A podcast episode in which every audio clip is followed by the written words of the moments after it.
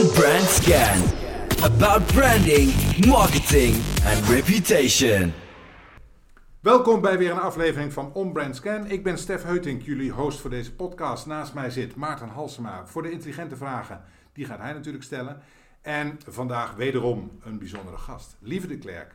Zij studeerde Business Engineering aan de Katholieke Universiteit van Leuven. Was van 1990 tot 2000 uh, vervulde zij functie bij Esso Benelux, waarna twee jaar marketingdirecteur bij Van Ganzenwinkel, nu bekend als Renewy. Tien jaar managing director bij de Malta Groep, nog tot 2017 aan het roer bij Vitens en inmiddels CEO van SPI Nederland. Welkom, lieve. Uh, ja, heel leuk om hier te zijn in Breda. Uh, uh, hoe, is het hier, hoe is het hier met corona? Gaat, gaat, het, gaat het hier ook zo erg? Of is het, was hier heel erg, geloof ik, toch? In de stad of zo? Ja, hier in de omgeving. Het was ja, toch een brandhaard? Ja, dat, dat, maar bij SPI valt het wel op zich mee. Ons, uh, ons, wij, wij testen dat natuurlijk allemaal, of wij meten dat ook allemaal. Bij ons aantal positief uh, geteste collega's ligt fors lager dan het gemiddelde Ah. van Nederland. En daar ben ik blij mee. Ja, dat kan ik me voorstellen. Ja, het moet wel doordraaien hier natuurlijk. Anders hebben we een ander Ja, probleem. daar zijn we ook erg op gebrand. Ja. En, daar zijn we overigens ook erg blij mee. Dat in het begin van de coronacrisis heeft de lobby zich heel erg ingespannen om uh, ons aan het werk te kunnen laten blijven. Met allemaal protocol-evidens. En, uh, en, dat heeft er ook voor gewerkt, gezorgd dat we met de hele sector vanaf dag één gewoon ja, goed buiten zijn gebleven. Ja. Goed bij de klant zijn gebleven. Ja. Dus ne Nederland draait gelukkig En ik ben dan ook gewoon wel blij dat uh, je merkt dat, dat die protocollen ook gerespecteerd worden. Want anders zouden we veel meer positieve besmettingen hebben in ons bedrijf. Dus dat valt heel erg goed mee. Ja. Ja. Even, uh, SPI. Dat zal niet voor iedereen meteen, ja, als je het even uitlegt, waarschijnlijk wel. Dat is dan vaak wat je wel hebt. Maar ik zou je heel kort even vertellen, wat is SPI en wat doen jullie? Ja, dat kan ik met plezier heel kort vertellen. Nou, SPI is, staat eigenlijk voor Société Parisienne d'Industrie Électrique. We bestaan al 120 jaar. We zijn, uh, als je plat benadert, een installatiebedrijf. Maar zo benader ik het natuurlijk niet. Uh, wat we eigenlijk in de kern doen is, wij leveren technische diensten op het gebied van elektrotechniek, mechanische techniek en connectiviteit. In een hele brede zin. Dus je kunt eigenlijk niet bedenken wat voor discipline of competentie er is. Uh, en wij kunnen het ook leveren. Uh, in heel veel markten, eigenlijk doen wij alles behalve gebouwen van huizen. Dus wij doen uh, heel veel in de energietransitie, infrastructuur, tunnels, bruggen, sluizen en zo verder. Veel op de openbare weg, public lighting, openbare verlichting. Heel breed in de industrie, petrochemie, food, farm, verpakkingsindustrie, maakindustrie. En eigenlijk alle soort gebouwen die je maar kunt bedenken, inderdaad behalve de huizen, dus ziekenhuizen, datacenters. Uh, gevangenissen, uh, grote universiteitscomplexen, uh, overheidsgebouwen, kantoorgebouwen. Dus eigenlijk uh, gewoon heel breed. Mag je, mag je aannemen dat als SPI een dag besluit helemaal niets te doen, dat Nederland op zijn gat ligt? Nou, dat is denk ik een beetje overdreven, maar je kunt ons wel zien als een hele belangrijke schakel in de wereld waar we wonen, werken en leven. En bijvoorbeeld, uh, vanochtend ben je opgestaan je hebt vast je, uh, je e-mail gecontroleerd. Dat doen heel veel mensen tegenwoordig zodra ze opstaan. Hè? Nou, hoe komt het signaal eigenlijk bij jou in huis? Via een glasvezel of een koperkabel. Nou, wie heeft die aangelegd? SPI. Wie beheert die controlecentra? SPI. Hoe gaat het de mast in? SPI. Hoe komt die elektriciteit bij jou? Ja, via het bedrijf Tennet of Alliander of Enexis. Maar wie heeft nou dat substation gebouwd of die hoogspanningslijn aangelegd? Dat is SPI. Dus jullie hebben echt een ruggengraatfunctie ja, binnen de wel, Nederlandse ja, economie. Ja, ja. Je, je, rijdt hier naartoe, nou, je bent vast door een tunnel gekomen, dat is Nederland, hè, of over een brug gereden. Nou, heel veel kans dat die techniek die daarin zit, bij ons vandaan komt. En, en zo'n gebouw als dit, hè, het is hier veilig, de wifi werkt, de verlichting ja. werkt, de installatie werkt. En weet je, tegenwoordig, een tunnel, uh, die gaat niet meer open als de beton uitgehard is. Hè? Maar die gaat pas open als de meer dan 50 systemen die in een tunnel zitten, als die allemaal werken. Dus dat geeft eigenlijk het belang aan van een bedrijf zoals SPI. Ja. En uh, ja, een ruggengraat. Ja, ik zeg altijd, wij zijn een essentiële schakel in de wereld waar we wonen, werken en leven. Ja. En, en wij realiseren ook echt heel veel van de opgaves. En zo kan je ook naar ons bedrijf kijken. Wie bouwt de energietransitie? Wie bouwt het klimaatakkoord? Wie zorgt voor een goede infrastructuur? Dus we hebben niet het geld, maar we hebben wel de de competenties om van het begin tot het einde van het leven van het productiemiddel, of het asset, hè, zoals ze tegenwoordig zeggen, van engineering tot en met het bouwen, tot en met onderhoud, slim onderhoud, die cyclus, die beheren wij helemaal, die kunnen wij aan als bedrijf. Oké. Eh, Wij doen deze podcast aan de hand van een stelling. En daar komen we waarschijnlijk ook af en toe op terug. Ehm, en de stelling van vandaag luidt: innovatie is een mentaliteit. Wat is je eerste reactie daarop?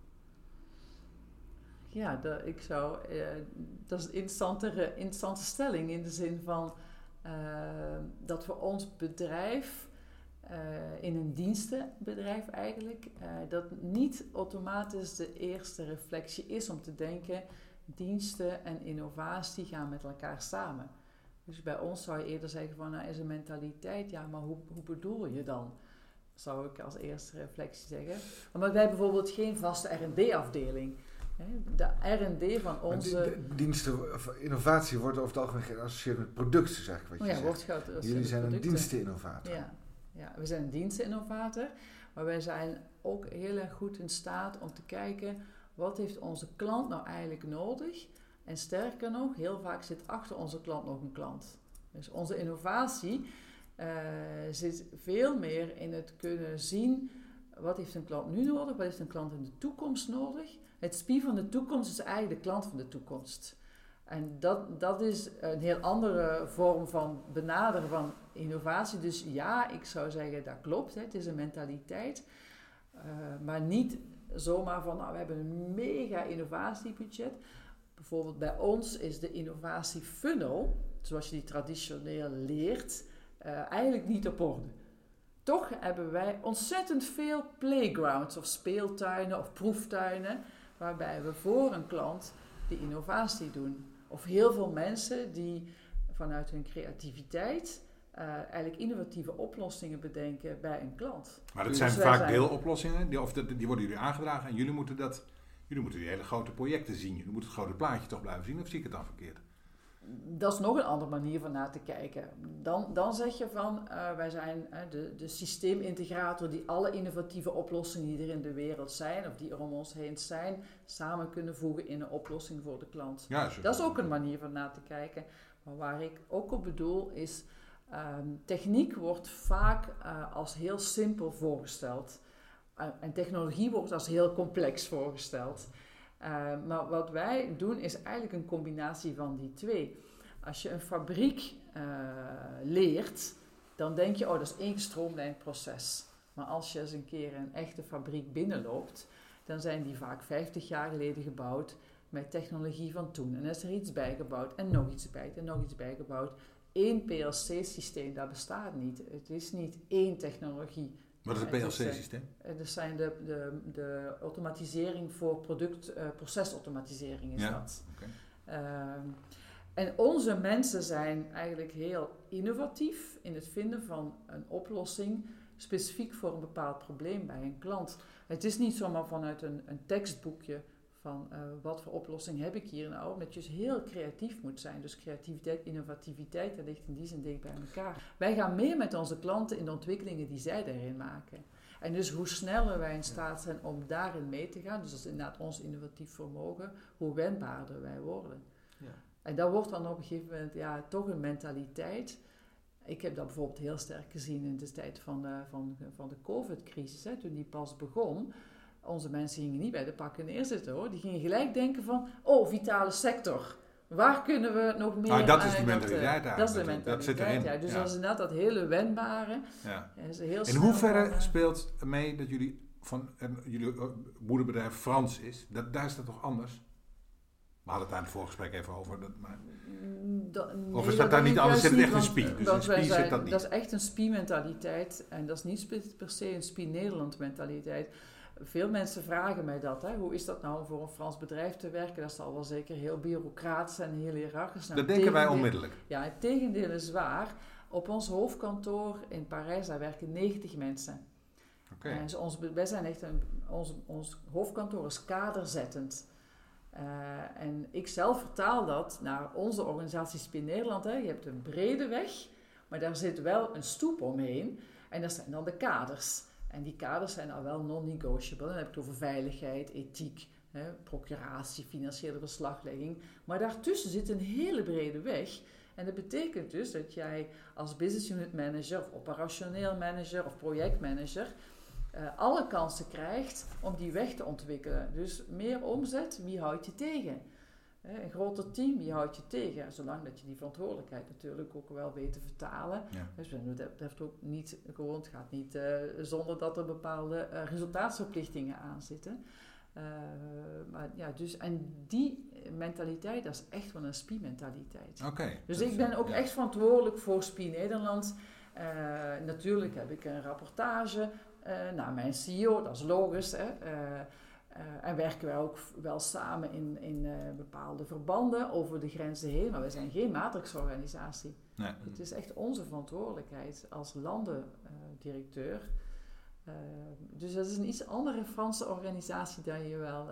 en vaak mag, je, mag je nou stellen dat het een organisatie is waar enorm veel ondernemersvrijheid of vrijheid geldt voor de mensen die er werken, om te zoeken naar toepassingsmogelijkheden, probleemoplossend vermogen. Het vraagt natuurlijk om enorm veel zelfstandigheid, zelfredzaamheid, ondernemerschap. Veel ondernemerschap, veel creativiteit. Ook het besef dat uh, dat is wat we met verantwoordelijkheid bedoelen. Mhm. Dus, en uh, het is niet vrijblijvend. Hè? Het is veel autonomie en het is een heel veel vrijheid, maar het is niet vrijblijvend. En uh, dus eigenlijk is het die mentaliteit van, nou, je hebt je bepaalde kaders, maar daarbinnen pas jij uh, je aan wat eigenlijk voor jouw markt en voor jouw regio en jouw team ook uh, relevant is. Ik kan ook niet in het hoofdkantoor de taal bepalen die je moet doen naar een Groningse elektricien of een Groningse specialist in connectiviteit. Dat moet een manager daar doen met zijn of haar markt uh, om haar heen. Lieve, hoe belangrijk is dan reputatie, jullie reputatie, um, voor het kunnen uitvoeren van jullie werkzaamheden? Ja, die is ontzettend belangrijk. Wij werken met uh, cruciale assets hè, voor onze klanten, voor onze opdrachtgevers. Dat zijn eigenlijk niet je zichtbaar. steeds het woord asset, sorry dat ja, productiemiddel is dat. Okay, ja, dat is eigenlijk alles waarmee je werkt. Cruciale productiemiddelen. Ja, maar dat kan ook een gebouw zijn, dat kan, dat kan een eigenlijk auto, alles dat zijn. Kan een machine, ja. Ja, een auto dan iets minder, hè, okay. maar het, het gaat over ja, moet ik dan nou uitleggen? Nee, wat in fabrieken staat, uh, de klimaatinstallatie van een gebouw, dus dan ja. allemaal die assets. Dan ging ik u zeggen, oh ja, wij zijn um, uh, niet zo heel erg zichtbaar hè, als bedrijf, omdat we in die schakel geven wij niet het geld uit. Hè. Wij, wij werken veel voor Rijkswaterstaat, Rijksvastgoedbedrijf, voor Tenet, voor Shell, voor noem, noem het. Hè, want we hebben, we hebben heel veel klanten. Dus de zichtbaarheid zit niet zozeer... Uh, dat, wij zeggen van kijk, dit hebben wij gedaan, zodat de buitenwereld dat ziet. Maar onze reputatie is heel erg belangrijk voor juist in dat werk wat we doen. Uh, omdat um, als wij, noem maar wat, wij realiseren uh, de CO2-opdracht van een grote bierbrouwerij. Voor de bierbrouwerij is het feit dat die CO2-neutraliteit gebouwd is voor haar reputatie heel belangrijk. En voor ons is die reputatie belangrijk dat het namelijk werkt. Dat dat iets is wat je betrouwbaar aan je klant hebt kunnen bieden. Dus het is een ander soort van reputatie. Technische betrouwbaarheid. Technische betrouwbaarheid, misschien ja, zo zou je het kunnen. Zou ja. het kunnen. Dus het is niet van kijk mij eens een keer heel erg zichtbaar en betrouwbaar zijn naar de buitenwereld. Uh, want um, ja, in die zin, het is net zoals met Intel Insight, het is ook SPI ja. Insight. Ja. Maar de reputatie zit erin van, als je met uh, SPI werkt, dan weet je gewoon, daar komen de beste mensen, die gaan voor mij in mijn oplossingen mee. Zakelijk uiteraard, hè, altijd wel. Hè. Ja. En, uh, en daarin zit dat element van die reputatie. Ja. Ik heb en, even een vraag over, want er zit, ik, ik moet even denken aan een bericht wat vandaag in het nieuws verscheen volgens mij vanochtend uh, op Radio 1. Uh, wat natuurlijk een heel groot probleem gaat worden, en ik zit me ineens te bedenken, dat is natuurlijk echt jullie probleem, is uh, geschoolde mensen, ambacht, vaklui. Hoe zien jullie dat? Want daar, ga, daar gaan we gewoon een tekort aan krijgen. Ja, dat klopt. Daar hebben we eigenlijk hebben al een tekort aan. Ja. En het, misschien moet je soms nog wel zeggen, het is nog maar goed dat heel veel van die grote opgaves heel langzaam in de vergunningssfeer lopen. Mm -hmm. Maar anders hadden we nu al een heel groot probleem gehad. Nee, maar dat klopt. Aantrekkelijkheid als, als arbeidsgever, als technische arbeidsgever, dat heeft dan weer wel heel veel met die reputatie te maken. Maar dat... Ja. ehm, Werkgeverschap. dat, eh, nou ja, het, het, het aantrekkelijk maken van het technisch en het technologische vak is een opgave voor alle technische en technologische Maar is er, is er op dit moment een strijd gaande tussen jou en je concurrenten van we moeten die mensen hebben of wil je het op een hoger niveau? Dat gewoon maakt de taart groter, zeggen ze dan. Hè? Dus, Nou ja, wij, wij proberen heel erg voor te waken dat we niet constant mekaars visvij, in mekaars Hmm. visvijver zitten. Eh, dat geldt ook voor opdrachtgevers, want die hebben ook die technische mensen nodig. Daar proberen wij voor te waken. Dat is niet helemaal te voorkomen, maar eigenlijk hebben we allemaal dezelfde opgave. Als, ik, als wij morgen ehm, 500 mensen meer kunnen werven op bepaalde disciplines, hè, heel veel elektriciteit met name, ja. dan hebben wij daar eigenlijk allemaal werk voor. Maar dat moet 500. samen gaan, hè? Alleen maar wij bijvoorbeeld. Maar als ik je dat hoor zeggen, dan betekent dus dat ook door het tekort op de arbeidsmarkt aan hoogtechnisch personeel, aan innovatieve arbeidskrachten, ehm, dat de ontwikkeling van BV in Nederland daarmee dus stagneert. Of dat de continuïteit van de basisstructuren daarmee in het geding komt. Het is meer de, de, tra- de, de transitieopdracht die stagneert. En dat lees je Wat is ook daar in de de consequentie krant. van? Nou, ehm, bijvoorbeeld dat als, je, als de, de, in de grote industrieën moeten ook voldoen aan het klimaatakkoord. Daarvoor moeten ze voor een deel elektrificeren. Ehm, eh, daarvoor heb je misschien ook waterstofoplossingen voor nodig en eh, carbon conversion-achtige oplossingen nodig. Als die allemaal morgen zouden zeggen, van nu wil ik het realiseren, nou dan kunnen wij dat dus gewoon morgen niet bouwen. Ja. Maar, en dat is niet alleen maar gekoppeld aan technische arbeidskrachten. Het heeft ook te maken met langzame omgevings- en vergunningsprocedures. Daar heeft het ook heel erg Ja, mee maar te dat is maken. eigenlijk een zegen als je het afzet. ja, dat kan je natuurlijk niet zeggen, maar eigenlijk... je doet het wel. Ja, maar het is, het, de, de krant staat er de hele tijd van bol. Hè. Wij kunnen de opgave Ja. eh, bijna niet gebouwd krijgen. En dat heeft heel veel elementen. Dat heeft inderdaad de capaciteit van de beschikbare techni- technische en technologische krachten. Eh, maar ook eh, met hoe werkt het dan nou in de vergunningssfeer. En ik, ik, wij horen het al hè, van eh, met name industriële klanten.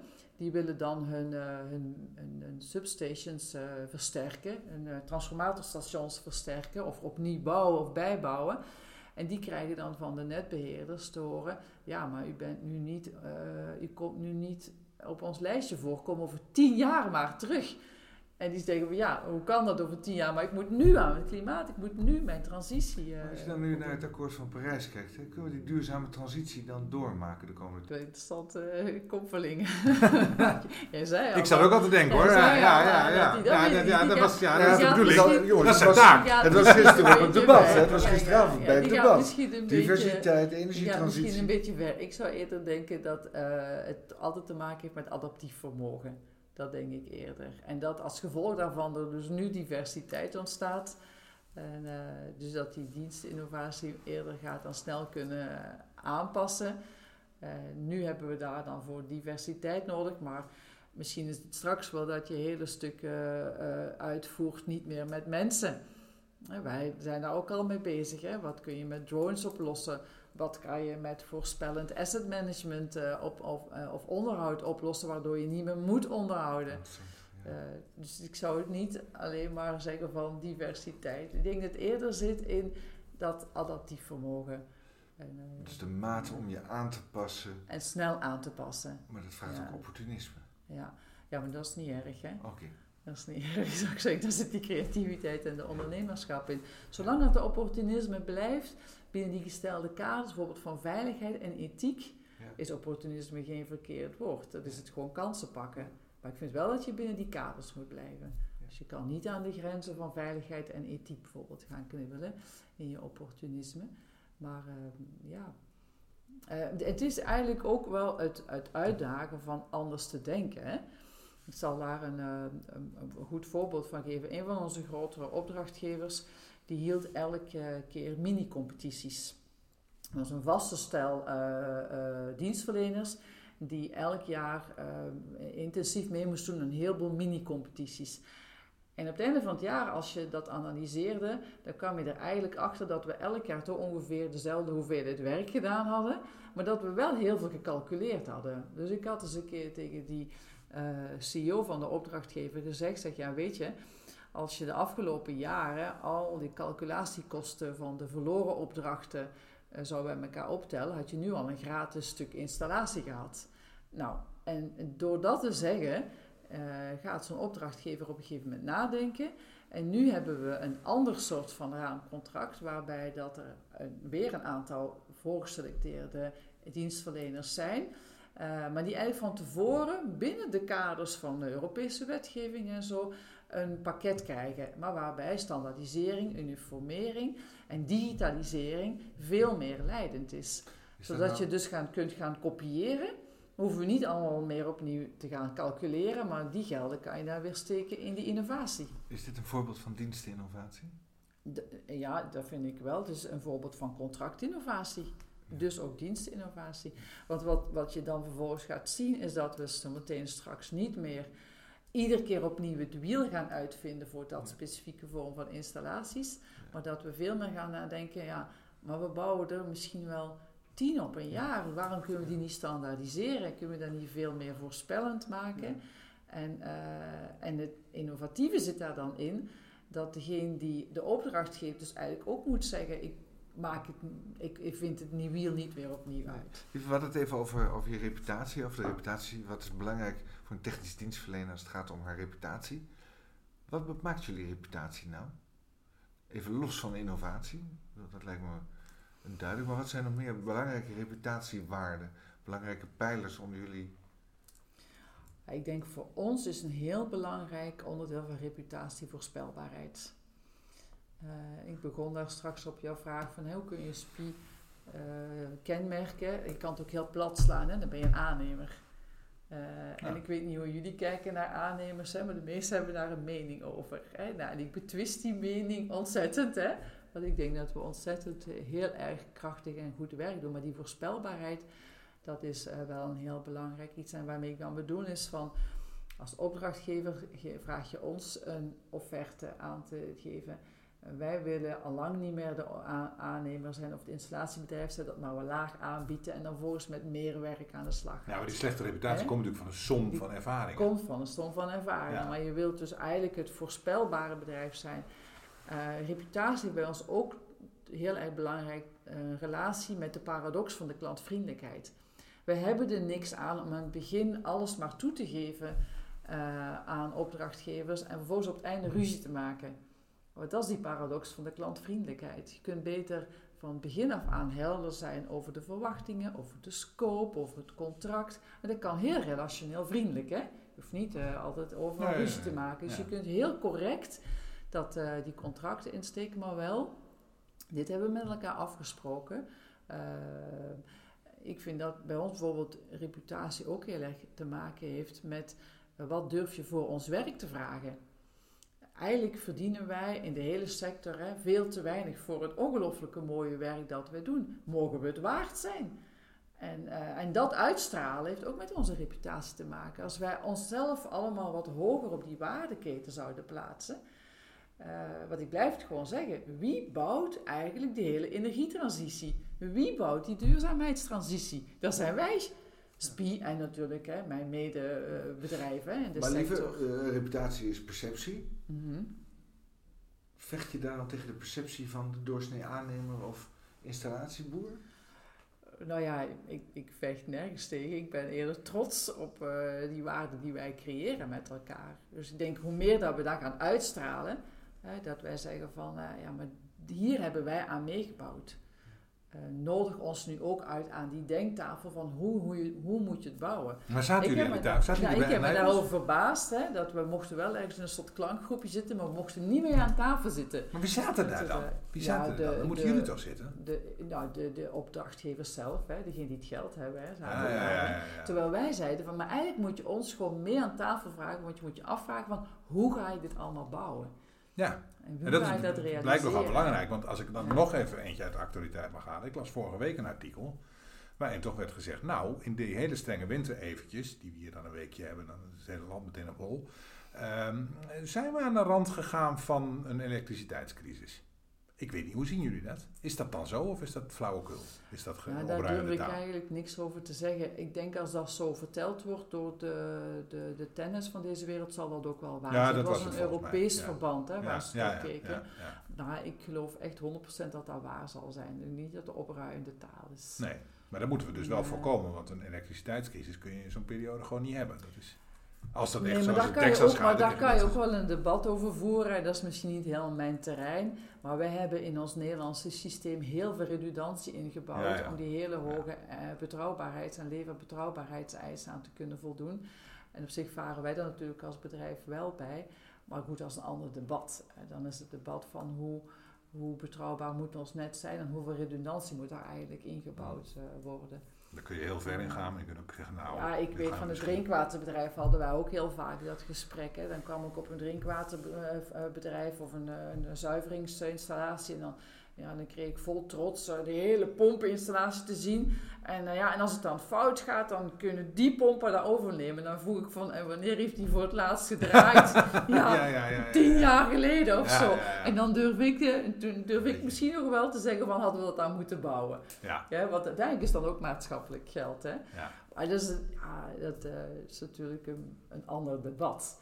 Ja. Hè? Dat, eh, op Ja, het is wel een wij, beetje wij de- bouwen het dan graag natuurlijk. Ja, hè. je zou een claim kunnen leggen op de redundante economie bijvoorbeeld. eh, of zeg ik dan iets heel geks? Dat is wel ja, mooi. maar dan zeg je inderdaad wel wat geks. Ja, dan zeg je wel wat geks. Ja, dat, is ook, dat is onze rol ook helemaal niet. Nee, Nee, nee, nee. Wij moeten vooral wel zorgen dat we... Maar ik vind het wel gek dat wel, jullie niet heel dicht bij het vuur van zo'n klimaattafel hebben gezeten. Want dat is toch... Ja, daar had ik eigenlijk liever eh, wel. Ja. Maar dan onze lobby dus- doet daar wel voor een deel heel goed. Hè? Techniek Nederland doet daar wel meer, maar sorry. M- Missen we daar dus partijen aan die tafel? Dan wordt het debat dus ook ja, uit- gevoerd. uiteindelijk is het, is het, eh, zijn de tafels eigenlijk nu afgesloten. Hè? En uiteindelijk komt het dan toch wel weer neer in een goed gesprek. eh, met, eh, en wij voeren echt ontzettend heel veel goede gesprekken met de, de grote realisatoren. Hè? En daar kan ik eigenlijk alleen maar heel positief over zijn. Hoor. Over de Tenets en de Allianders en de Rijkswaterstaat en de Rijksvastgoedbedrijven van deze wereld. Ik vind dat die hun rol, daar wordt vaak eh, over geklaagd, hè, maar ik vind dat die hun rol goed pakken.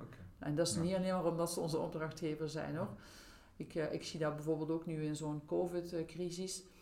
Ja, dat, eh, die, pakken, die pakken echt hun rol goed als het gaat van hoeveel werk er op de markt gezet wordt. Ja. En met wat voor thema's dat gebeurt. Eh, daar ben ik positief over. Ik, ik moet gaan afronden. Ehm, ik wil even één slotvraag. Een beetje, eh, misschien een beetje een open deur van, maar ik wil toch even van je weten. Waar lig jij wakker van? Ik lig eigenlijk niet zo vaak wakker. Ah, Nou, ik denk altijd wel van ik kan er zelf iets aan doen. Eh, Als het, ja, als je het natuurlijk vraagt aan mij van de hele grote thema's, maar dan kom ik in een beetje cliché-achtige wereld terecht. Als ik het gewoon dichter bij mijn eigen, denk ik van ja, ik ben toch wel heel erg van eh, wat kan ik er zelf aan doen en wat kan ik zelf aan bijdragen. En dus lig ik dan toch eigenlijk niet zo heel vaak wakker, want dan Nee. vind ik het mijn eigen en, verantwoordelijkheid. en, en als burger stelt me dat bij Spie dan weer gerust. Dus dat is toch een mooie afsluiting van deze podcast. Eh, mag ik je heel hartelijk danken voor dit mooie gesprek.